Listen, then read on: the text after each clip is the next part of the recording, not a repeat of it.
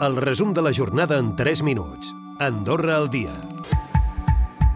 Fer un protocol nacional de transbassament d'aigua és el que el cònsul menor d'Andorra la Vella reclama per poder fer front al dèficit hídric. La capital ha cedit aigua a la Massana, que actualment és la parròquia que pateix més sequera. Miquel Canturri reclama actuar amb més agilitat en cas que es produeixin més situacions d'escassetat. L'escoltem ha de sortir un protocol nacional el que, el que cal fer. Jo penso que eh, també seria bo eh, de poder-nos interconnectar eh, tots el, totes les parròquies que puguem vale, amb, amb, amb aigua, interconnectant-se les altres parròquies per quan hi hagi problemàtiques d'aquestes pues, poder ser àgils a, a donar aigua a, a l'altra parròquia que, que li falti.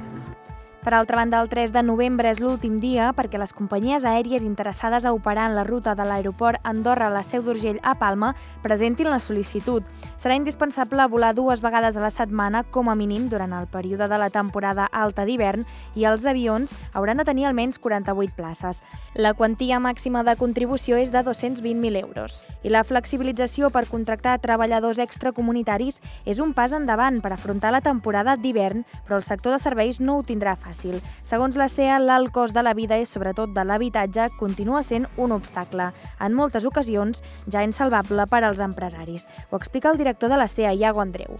Andorra, a nivell de salaris, és un país atractiu, sí, però segurament ho és una mica menys en comparació amb Espanya del que ho era fa uns anys, no?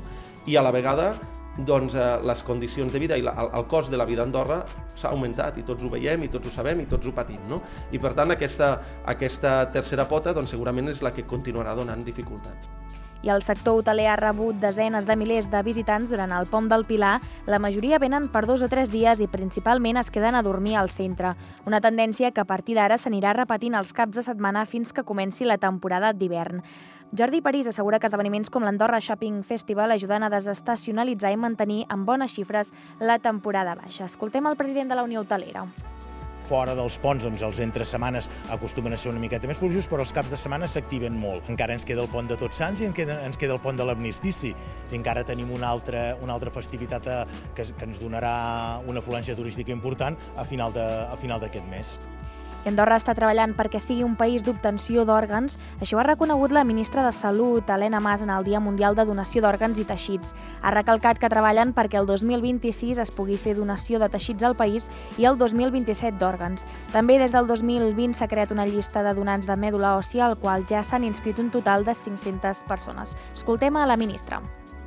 Bueno, ara ja hem començat a treballar eh, molt intensament amb la donació de còrnia. La còrnia ja tenim tots els protocols fets, tenim tota la feina de formar els professionals feta i ens cal un document final, un document marc que doni eh, aquest enquadrament eh, legislatiu a la donació. Però serà, serà una realitat ben recentment, eh, aproximadament nosaltres que contem que com a molt tard, a final d'any, tindrem la donació de còrnia a Andorra. Recupera el resum de la jornada cada dia a AndorraDifusió.d i a les plataformes de podcast.